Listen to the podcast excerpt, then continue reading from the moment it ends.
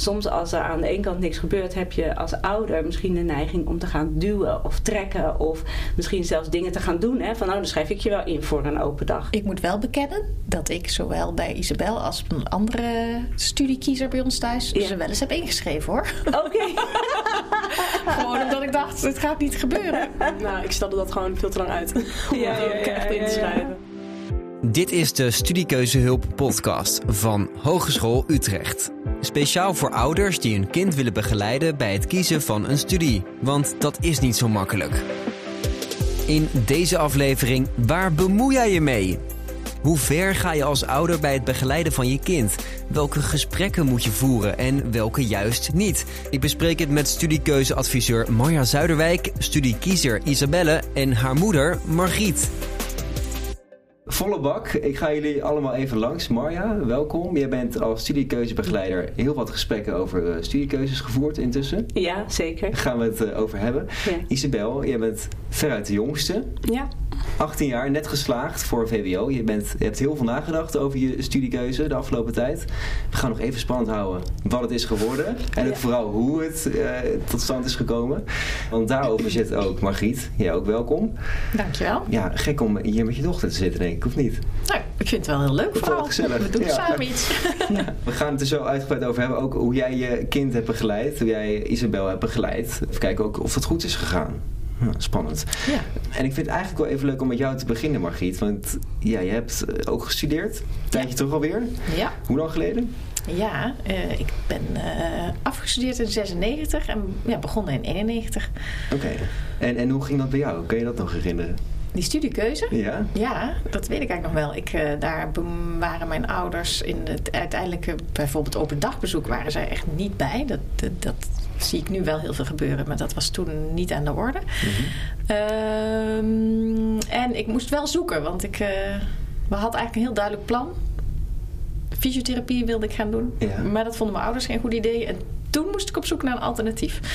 En dat heeft wel even wat eh, tijd en energie gekost. ja. Want je ouders vonden het geen goed idee dat jij fysio ging doen.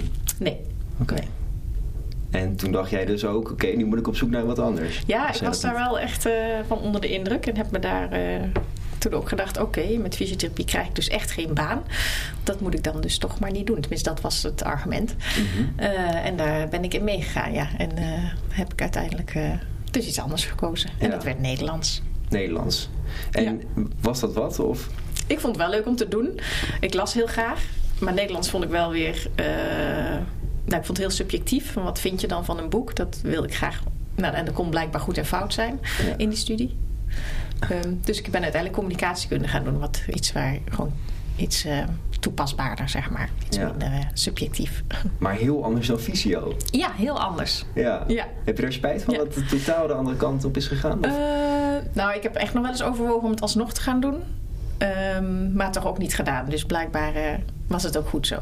Ja, Heb je daaruit ook lessen meegenomen van, hè, zo moeten we het dus niet gaan, de studiekeuze? Absoluut, ja. Ja? Dus, eh, Vertel. nou ja, ik kijk echt van wat wil het kind. En wat, eh, ze moeten iets gaan doen waar ze zelf helemaal achter staan. En waar ze enthousiast over zijn. En ehm, wat ze vinden dat bij hen past. Ja. En dat eh, is niet, ik weet, ja, dat bepalen zij zelf. Mhm. Nou, we gaan zo even kijken bij Isabel of dat is gelukt. Eerst even naar jou, Marja, studiekeuzebegeleider dus. Ja. Ehm, ja, als je dit zo hoort van Margriet, zijn dit inderdaad de, de valkuilen die je vaker hoort? Dus dingen die fout gaan, dat ouders te veel bemoeien? Ja, zeker. Eh, ja, ik vind dit wel een typisch voorbeeld waar ik ook zelf een beetje pijn in mijn buik van krijg. Dat, dat, ja, dat als ouder je zo duidelijk er voor een keuze gaat liggen of iets afraadt. Maar dat, dat kom ik vaker tegen. Ik had bijvoorbeeld een keer een student die iets economisch deed. Maar eigenlijk wilde die naar eh, de theaterschool of eh, acteren. Zeg maar ja, dat mocht echt niet. Nee. Ja, en eh, da- dan zie je wel dat iemand eigenlijk iets studeert ja, waar, waar die jongen in ieder geval niet blij van werd. En ja, ook zijn draai helemaal niet kon vinden in de studie. Dus e- echt succes tot succes leidde het ook niet. En, en wat zit er dan vaak achter bij ouders? Waarom willen ze hun kind sturen? Eh, nou, vaak hele goede bedoelingen. Mhm. Eh, ouders willen, eh, ja, je wilt toch graag voorkomen dat je kind, ehm, eh, ja, moeilijke dingen meemaakt. Of, of uh, ja, in het geval van Margriet is uh, ja, werkloos raakt. Hè. Daar kan je als ouder heel bang voor zijn. Je wil graag dat je kinderen uh, goed terechtkomen.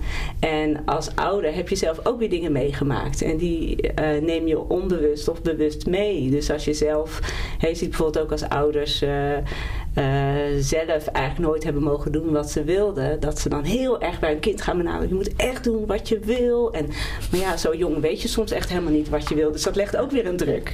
Dus uh, ja, soms is het heel erg lastig om het, om het goed te begeleiden. Omdat je ook je eigen bagage als ouder uh, daarin meeneemt. Ja, ja. Dus je kunt onvervulde dromen hebben. Of je kunt juist heel bang zijn voor iets. En dat neem je dan mee. En dan ga je echt dingen zeggen. Je moet eigenlijk. Of je kan beter niet. Dan ga je dus heel, ja, soms wat dwingende adviezen geven. En uh, ja, kinderen zijn eigenlijk heel gevoelig, ook op die leeftijd nog steeds, uh, heel gevoelig voor het ouders onbewust of bewust communiceren. Ja. Dus je wil heel graag daar wel, ja, je geeft daar wel heel snel gehoor aan als kind. Dat duurt eigenlijk best wel lang voordat je daar echt los van kan staan. Ja. Het is echt een proces. Ja, want dan heb je natuurlijk heel overduidelijk als een ouder zegt... je moet deze kant op of deze kant niet. Dan ja. is het heel duidelijk. Maar wat zijn dan verder ook nog signalen die ouders kunnen geven? Verkeerde signalen dan? Uh, nou ja, ouders kunnen veel praten over hun eigen droom of hun oh ja. eigen tekort, wat ze niet hebben kunnen doen. He, dus als daar het gesprek daar veel over gaat, dan kan je als kind gewoon onbewust het gevoel krijgen van, ja, misschien moet ik dat dan eigenlijk doen. En soms weet je ook als kind, ja, je weet ook niet altijd waar die invloeden vandaan komen. Je hebt het niet altijd door, maar ja. het zit in een oude, in de houding en in verhalen die een ouder vertelt. Dus dat is ook niet een, van één keer, maar dat zit in, in het leven en het, het levensverhaal van de ouder. En dat, dat komt natuurlijk uh, ja, gewoon vanzelf mee, zeg maar. Ja. In het dagelijks leven. Ja, nou Isabel, vertel, hoe is dat gegaan, jouw studiekeuzeproces? Nou, wat ik vooral heel erg heb gemerkt is dat ook mijn moeder net zegt... Um, dat zij echt mij heel erg veel de ruimte wil geven dat ik het zelf kan bepalen. Ik weet ook heel goed dat zij het heel jammer vond dat zij zo niet de kant op werd geduwd van fysiotherapie. En dat ze daar echt best wel van baalde. Ja. Dus ik merk wel dat ze dat bij mij echt heel anders probeert te doen. En mij zelf heel erg de ruimte probeert te geven dat ik echt kies wat ik zelf wil kiezen. Maar ik moet zeggen, ja, ik ben ook best wel jong. Ook als je zeg maar, de eerste open dagen gaat bekijken. Ik was 16 of zo, misschien nog zelfs net 15. Ja, ik weet zelf ook nog niet zo goed. Maar begin je en wat, wat, wil, je, wat wil je nou eigenlijk? Dus um, het was wel heel fijn dat mijn ouders, die zaten er best op te pushen dat ik echt wel naar de open dag ging. Want het zijn natuurlijk wel gewoon harde deadlines wanneer je moet inschrijven. En nou, daar waren mijn ouders, die zaten wel gewoon echt achter mijn broek aan, zeg maar, dat ik dat ook echt ging doen. Ja. Um, en die gingen ook mee naar open dagen. En vroegen dan van, nou, wat vond je ervan? Hoe voel je je erbij? En zo neutraal mogelijk proberen, vragen te proberen te stellen. Um, en ook niet alleen op het moment zelf, net na zo'n open dag, maar ook gewoon als ze dan even, gewoon een week later als ze thuis waren, of weet ik veel, gewoon even off guard, zeg maar, en gewoon nog een keer vragen. Zodat je er ook zelf echt ja, gewoon echt voor jezelf gaat nadenken van wat wil, ja, wat vond ik er eigenlijk van? Ja. Want het is natuurlijk op jonge leeftijd best wel lastig om goed te bedenken van, ja, wat vond ik er eigenlijk van? Ja. En dat was niet vervelend dat uh, je moeder Margriet af en toe vroeg van, uh, ga, ga zo naar die open dag of uh, hoe zit het ermee? Nee, nee, wat ik vooral vervelend vond is dat je er verplicht verslagen voor moest schrijven voor school. Maar oh. ik vond, ik vond de overdagen zelf, het was wel altijd van, oh ja, jeetje, ja, moeten we wel even doen. Maar het was, nou, ik vond het altijd wel leuk om naartoe te gaan en zo. Lekker naar een andere stad, verluisteren. We zijn naar Leiden geweest toen, dat vond ik uiteindelijk echt een superleuke dag. Leuk om rond te lopen. En uh, ja, ik ben sowieso best wel ambitieus qua wat ik later allemaal ga willen en zo. Dus ik vind ook gewoon daardoor wil ik ook gewoon die open dagen, ik wil het wel gewoon echt zien. Ik wil het ook voor mezelf echt wel ontdekken van wat wil ik. Want ik vond het ook wel heel belangrijk. En ja, nou, zo. Ja, je dacht dus niet per se, waar bemoei jij je mee? Nee, eigenlijk niet, nee. Nee. Dus dat hebben mijn ouders heel goed gedaan dan, blijkbaar. Nou, een, schoolvoorbeeld, of niet Marja? Ja, vind ik wel. Ja, ja, ja zeker. Omdat uh, jij eigenlijk beschrijft dat je moeder, uh, je ouders, dat, dat die zowel op het moment zelf meegingen, meedachten. en maar ook later, wat jij zegt, off guard. Hè? Dus gewoon even, als jij zelf ook ontspannen bent, dat je daar rustig naar kan kijken. Van, ja, wat vond je er eigenlijk van? En dat zijn hele goede vragen. En ik heb ook het idee dat het eh, echt vragen op meerdere manieren zijn. Dus wat vond je leuk en vond je het leuk en wat vond je daarvan en wat vond je daarvan. Dus door die concrete voorbeelden is het voor jou ook weer makkelijker om te schakelen naar van ja, wat vond ik daarvan. En dus dan, dat is wat je als ouder heel erg kan doen. Het concreet maken en doorvragen. Want het, ik herken heel erg wat je zegt. Op, op, op jouw leeftijd is het best lastig om een beeld te vormen van ja, wat past bij mij, wie ben ik, wat, wat vind ik nou leuk, wat wil ik eigenlijk. Dat is ook een ja, groeiproces. En die studiekeuze komt dan eigenlijk best wel op een vroeg moment. Ja, te vroeg als je mij vraagt. Ja, voor, voor, zeker. Voor een deel komt het echt te vroeg. Ja. Maar ook wel goed om vroeg te beginnen. Ja. Want wat kan jij je herinneren uit die gesprekken die je voerde met, met je moeder? En misschien ook wel je vader, waar je het over had. Waarvan jij dacht, ja, dat, dat hielp me verder. Nou, ik weet eigenlijk ook vooral goed dat ik het altijd best wel een lastige vraag vond. Want ja, ik weet niet. Ik had gewoon bij sommige opleidingen zat ik gewoon net wat meer op het puntje van mijn stoel. Het voelde gewoon van binnen gewoon net, vond ik net interessanter. En dan dacht ik van ja, wat vind je er nou verder leuk aan? En dan dacht ik ja, nou, hmm. hmm. maar gewoon een gevoel of zo. Dus, ja. ja, en wanneer is iets leuk, wanneer is iets leuk genoeg? Precies, en zeg maar, wat is ook nou, wat is een open dag nou, zeg maar? Je hoort daar natuurlijk, je hoort daar echt een notendop van hoe het zit. Maar je hebt natuurlijk niet echt een beeld bij hoe het echt gaat zijn.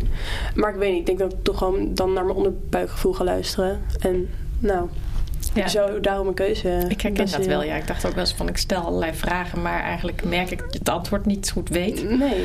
Ehm, en op een gegeven moment dacht ik ook, ja, weet je, het gaat ook inderdaad om eh, dat het goed voelt voor jou om ermee te starten. Ja, dan is het eigenlijk al, ja, dat is eigenlijk al goed genoeg. Um, wat, wat voor vragen waren dat dan die je stelde? Nou ja, precies inderdaad. Van wat, wat zou je er dan mee willen? En hoe stel je je voor dat dat dan... Eh, wat voor werk je daarmee hebt? En um, nou ja, gewoon inderdaad echt wel van die dingen waarvan je dan toch merkt dat daar nog weinig beeld van is. En uh, toen dacht ik, ja, is dat nou erg? Want ik heb natuurlijk in mijn werk ook best wel eens uh, te maken met studiekeuze en studiekiezers. Ja. Nou, dat maakt je wel extra bewust. Um, maar op een gegeven moment dacht ik, ja, inderdaad, precies wat ze zei. Op een gegeven moment zei ze, ja, ik zat hier gewoon meer alert en ja. ik kwam op het puntje van mijn stoel. Ik denk, nou ja, prima.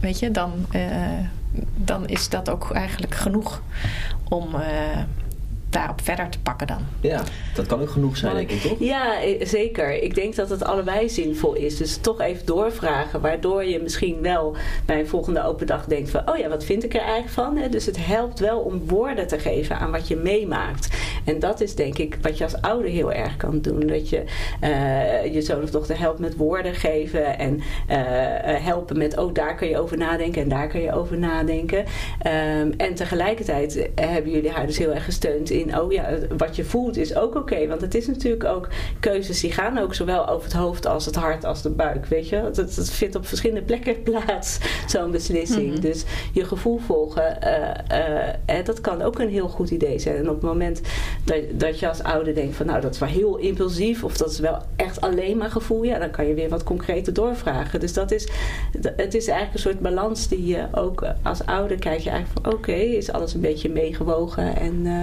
en hoe, hoe zit mijn zoon of dochter in elkaar en wat zie ik ongeveer gebeuren. Dus uh, daar hebben jullie heel mooi op aangesloten, denk ik.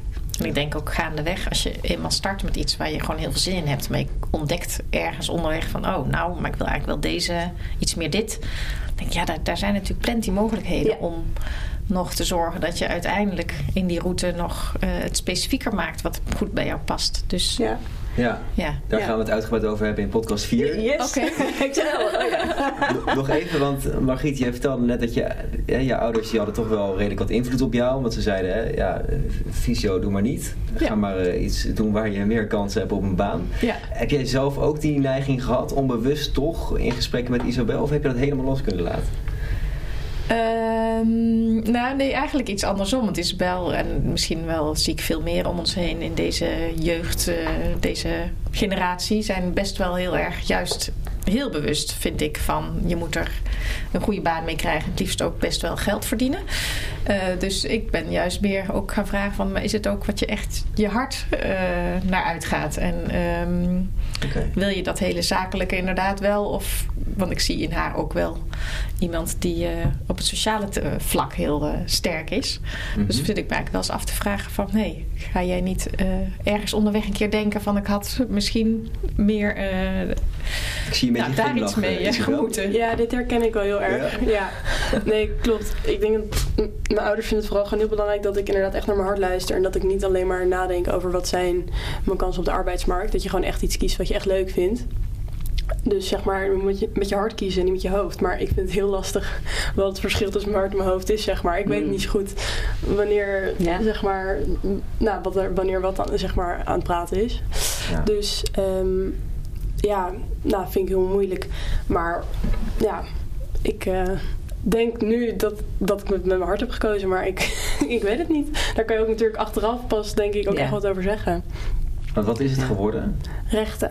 Rechten. Yes, ja. Rechten. En daarvan zeg jij dus misschien is het wat minder sociaal dan Isabel wel aan zou kunnen. Nou ja, we zijn bijvoorbeeld ook bij psychologie geweest. En daar, daar- daarvan denk ik dat Isabel daar ook heel goed zou kunnen passen. Maar ik vond het eerlijk gezegd zelf ook heel leuk. dus daar ehm, hebben we het wel over gehad. Van eh, stel nou dat dat gaandeweg... Want het kan me ook voorstellen dat je dat op je achttiende niet per se aan dat stuk denkt van dat je echt iets wil betekenen voor anderen of wat dan ook. Ja. Ehm, maar goed, toen, toen hadden we het erover. Ik denk, nou ja, met rechten kun je natuurlijk uiteindelijk ook in de mediation. Of hè, als dat toch iets is. Want het is natuurlijk ook niet voor niks dat je wel bij psychologie wilde kijken. Want dat was niet per se mijn idee. Nee, ik dacht mij, ook, dus- dat was ook echt wel als mensen vroegen van, wat wil je misschien gaan doen? Eind vierde, begin vijfde was het ook zo, ik vind psychologie en rechten alle twee echt wel een optie. Ja. Maar op een of andere manier is het toch eh, de kant van rechten opgegaan. Ja, weet je, dat is ook prima. Dat is allebei goed. Ja, en recht is ook een super brede studie. Dus ik denk uiteindelijk ook dat je, als je daar uiteindelijk een sociaal iets mee wilt doen, dat kan ook, zeg maar. Je kan echt heel veel kanten op daarmee. ja. Dus allemaal tevreden? Ik wel. Ja. Ik heb er alle vertrouwen in. Ja. Ja. Hey, eh, Marja, wat, wat zijn, want dit is volgens mij echt een, een, een voorbeeld wat we hier hebben zitten. Wat, wat- zijn Ja. nog meer eh, dingen die goed gaan, die jij goed ziet gaan? Of misschien heb je wel tips hoe je het, het gesprek aan moet gaan met je kind. Ja, ja, nou hier zie je het inderdaad heel goed gaan. En jullie zijn allebei ook, eh, eh, ja, zeg maar, al, ook sociaal van jullie zelf. Hè? Dus ik denk dat die uitwisseling gaat ook, ook goed thuis. Weet je, dat, dat gaat makkelijk. Ja. Dat zeg ik een beetje eh, krom. Maar in ieder geval, sommige eh, ouders en kinderen praten makkelijker met elkaar Ja. dan anderen. Ja. Hè, dus dat, dat kom ik wel tegen. Dat eh, ouders eh, ja, soms bijna wanhopig zijn en zeggen: Ja, ik, ik, ik krijg mijn kind niet in beweging en ik kan dat mag er ook niet over hebben. Ja, dat, dat zijn de lastige eh, situaties waar je als ouder tegenaan kan lopen. Dus. ehm, ja, en, en dan is de vraag, wat kun je dan doen? eh, krijg ik heel vaak. Ehm, ja, en ik denk eh, als ouder daarover in contact blijven. Ook al heb je het gevoel dat er niks gebeurt, dat is toch heel belangrijk. En, eh, maar daarin is het belangrijk, ehm, soms als er aan de ene kant niks gebeurt, heb je als ouder misschien de neiging om te gaan duwen of trekken. Of misschien zelfs dingen te gaan doen. Hè? Van nou, dan schrijf ik je wel in voor een open dag. Ja, en, en dan ga je eigenlijk iets creëren waar de ander niet in beweging komt. Je wil dat je kind in beweging komt. En eh, nou, je kan het niet forceren. Eh, dus belangrijk daarin is, is, dat je ook eh, vooral het gevoel geeft dat je hem of haar steunt. En dat je ook zegt, jij bent aan zet. En ik ben er voor je. En, nou, en soms helpt het om wel te zeggen, inderdaad, wat eh, Isabella zegt. Van ja, eh, je moet je nu wel gaan inschrijven. Want je hebt maar twee kansen in het jaar om die open dagen te bezoeken. Of Ja. nu met die online open dagen is dat weer wat makkelijker en toegankelijker. Maar je hebt maar een paar open dagen. Dus eh, Ik moet wel bekennen dat ik zowel bij Isabel als een andere studiekiezer bij ons thuis Ja. ze wel eens heb ingeschreven hoor. oké. Gewoon omdat ik dacht, het gaat niet gebeuren. ze zijn het ook niet zo en hoe gewend. reageer jij dan? Nou, daar hadden we het wel vooraf wel over gehad waar dat dan moest zijn en welke opleiding. Ja, ja. Alleen dan was ik gewoon, lag ik, nou, ik stelde dat gewoon veel te lang uit. om Ja, dat echt in te schrijven. Ja, maar goed, dat, het klinkt wel als dat in goede harmonie gaat. En op het moment dat je dat ongevraagd en on, Oh, zo, onafgesproken doet, dan, dan kan het juist ook weerstand oproepen. Maar daarom zie je, geen enkele oude-kindrelatie is hetzelfde. Dus het is ook zoeken van, ja, hoe, hoe hoe doe ik dat met, Ja. met mijn kind? Eh, maar belangrijk is in ieder geval, eh, het is echt een eerste stap eh, naar zelfstandigheid. Ja, er zijn natuurlijk meerdere stappen in een opvoeding, maar het is wel een grote stap naar zelfstandigheid. Het is echt iets wat, wat je kind zelf moet doen. En als ouder is het belangrijk dat je er steun aan geeft. Maar en je kunt ook confronteren. Je kunt ook zeggen van ja, als je nu niet in beweging komt, dan zijn de open dagen van dit jaar voorbij. Hoe, Ja. hoe vind je dat? Maar daarin, ja, het is belangrijk dat je de lijn open blijft houden. Dus dat je een open gesprek voert en niet zozeer eh, dat heel dwingend gaat doen. Nee. Of, eh, Nee. Maar in, in sommige gevallen kan ik me ook voorstellen dat, dat kinderen denken, waar bemoei jij je mee? Laat me lekker zelf kiezen. Ja, ja, en ik denk dat soms moet je het als ouder dan ook eh, eh, laten lopen en dan zien wat er gebeurt. Ja. Ik vond het eigenlijk wel fijn dat mijn moeder dat even had gedaan. Want ik ben soms gewoon een beetje lui daarin. Oh ja. Ehm, maar nee, ik vond het eigenlijk... Nou, misschien, of misschien heb jij dat echt totaal anders onthouden, mama. Maar ik weet niet. Ik, was altijd, ik had er altijd wel gewoon zin in om daarheen te gaan en zo. Ik was dus wel benieuwd. Margriet, Ja, ik ben nog klopt wel benieuwd. Of, want we zijn ook bij fysiotherapie geweest hier. Ja, Ik heb het idee dat dat een beetje dat was een beetje een flop toch wel mij. mijn idee was. Ja, klopt. Oh, dat is er toch een beetje doorheen ge- geslopen. Nee, maar ik, ja, Isabel is heel sportief en ze had biologie in het pakket gekozen. En toch een soort van open, van iets richting gezondheidszorg misschien wel. Maar wat dan precies? En nou ja, ik dacht, ja, het zou best wel goed kunnen passen. Laten we vooral gaan kijken. Maar Ja, eh, het was, dat was niet geschoten is altijd mis. Alleen, ik vond het inderdaad, ik zat daar en ik vond het niet echt... Nou, ik weet niet, ik vond het niet echt Nee, het was helemaal niks voor jou. Nee. En ik vond het wel lastig, want ik wist dat het wel jou echt een soort van jouw droom was vroeger. Dus ik zat daar ook, ik voelde me ook wel een beetje schuldig. Ik dacht van, oh ja, maar ik, nou, ik weet niet. Ja, dat werkt Maar dan ik- toch door. Ja. Maar ik heb jij hebt daar verder ook helemaal niet op gepusht. Alleen, ik, ik weet niet, ik voelde voor mezelf voelde ik me een beetje lullig. Dat ik dacht van, oh, waarom, waarom vind ik dit nou niks? Want ik heb echt wel volgens mij toen ook wel tegen jou gezegd van, nou, sorry man, maar dit, eh, dit is het niet voor mij. Dat was het precies wat je zei, ja. ja, dat prima is, mij. ja. En, en van waar voel je je dan schuldig, denk je? Waar zit dat? Nou, gewoon, ik hoopte gewoon dat ik het. Want ik ging er ook best wel met goede hoop naartoe. Ehm, en ik hoopte gewoon dat. Want ik wist gewoon hoe leuk mijn moeder dat vond. En dat zij dat vroeger zo graag had willen doen. Dus ik was ook echt wel benieuwd. Ik dacht, nou, misschien is dit het wel helemaal. Want ik had. ja. Dat was ook best wel aan het begin van mijn zoektocht, zeg maar. Dus ik had. Überhaupt hoopte ik gewoon dat ik echt een doorslaggevend iets had, zeg maar. Ja. Want ik wist op het begin. Dan ga je maar overal een beetje kijken. En dan. eh, Ja. Hoop je op een gegeven moment zeg maar, wel antwoorden te weten op de vragen die je ouders erover stellen. Maar ja, ik wist het allemaal niet zo goed. Dus ik dacht, nou, misschien is dit het wel. Nou, dat was ook niet. Dus ik dacht, oh, hmm. Nou ja, maar uiteindelijk ook prima. Maar eh, het mooie is dat jullie wel de lijn open houden. Dus jij bent je van bewust dat je moeder dat eigenlijk wilde. Ja. En weet je, dus jullie kunnen het erover hebben. En dan is het niet erg. Want Nee. natuurlijk neem je als ouder dingen mee in die keuzes. En, maar zolang je het erover kunt hebben en snapt van... oh ja, dit gebeurt er bij mij. Mijn moeder vond het leuk. En, ja. eh, weet je, dan heb je er een gesprek over. En ik denk dat is vooral heel belangrijk. En ik zat net nog even over die studiekiezer op de bank eh, na te denken. Van uiteindelijk komen ze echt wel in beweging. Dat is, weet je, als je, eh, als je ziet dat je zoon of dochter niet in beweging komt, is het ook gewoon maar vertrouwen. Eh, ik had het zelf ook bij mijn zoon, van, eh, dat ik vond, ja, misschien moet je een keer gaan werken. Nou ja, en dan zeg je dat een paar keer. Op een gegeven moment denk ik, nou laat me los. En dan ineens komt hij thuis, ja, ik heb daar een baan. Weet je wel? Dus Oh ja. eh, soms moet je ook gewoon loslaten als ouder. En dat is in dit proces wel ook heel belangrijk. Dat, eh, als jij er zorgen over maakt, dat merkt je kind ook.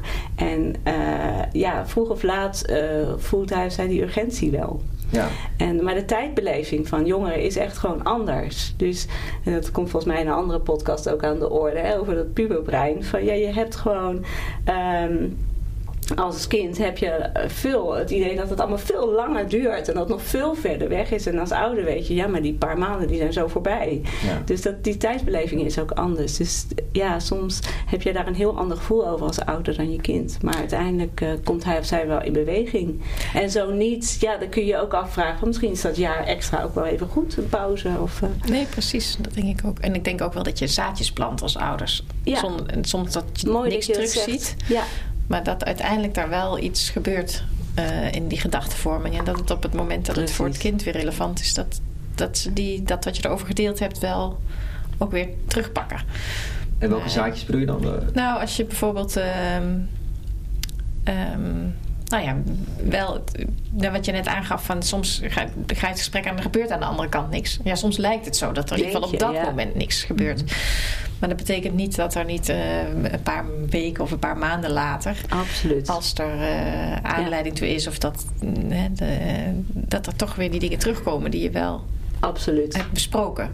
Absoluut. En, dan lijkt je soms alleen maar aan het zenden, maar dan blijkt dat toch ja. onbewust is dan toch is het uh, wat mee gedaan. Gezet, ja. Ja. ja, eigenlijk studiekiezers geven aan, een uh, heel groot deel van de studiekiezers geeft aan dat de ouders toch doorslaggevende invloed hebben gehad, de grootste invloed hebben gehad. Dus je, als ouder word je veel meer gehoord dan je denkt. Dus als je mm. denkt, er gebeurt aan de overkant niks, dat is echt niet het geval. Het wordt echt wel precies wat jij zegt, je verwoordt het heel mooi. Ja. Die zaadjes, je, je wordt echt wel gehoord. Mm -hmm. Ja. Dus, uh, en, en belangrijk gewoon in, in, in dit proces is steun je kind, bevestig wat er goed gaat. Hè, dus geef, benoem vooral van de stappen die al gemaakt zijn en niet wat er nog niet gebeurd is.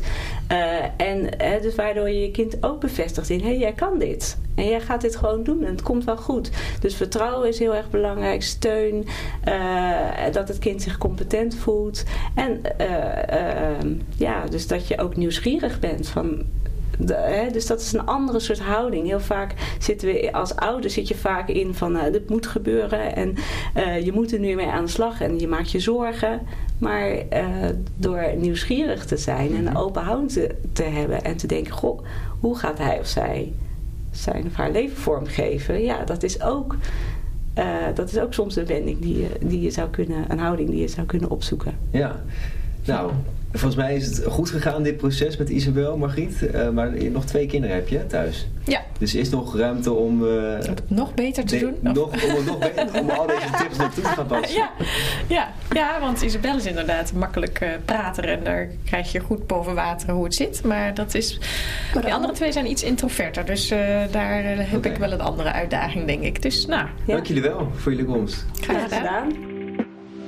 Dat was hem alweer, studiekeuzehulp over hoe je nou je kind begeleidt bij het kiezen van een studie.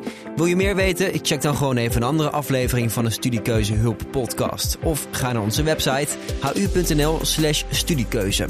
Want ook daar vind je de belangrijkste informatie.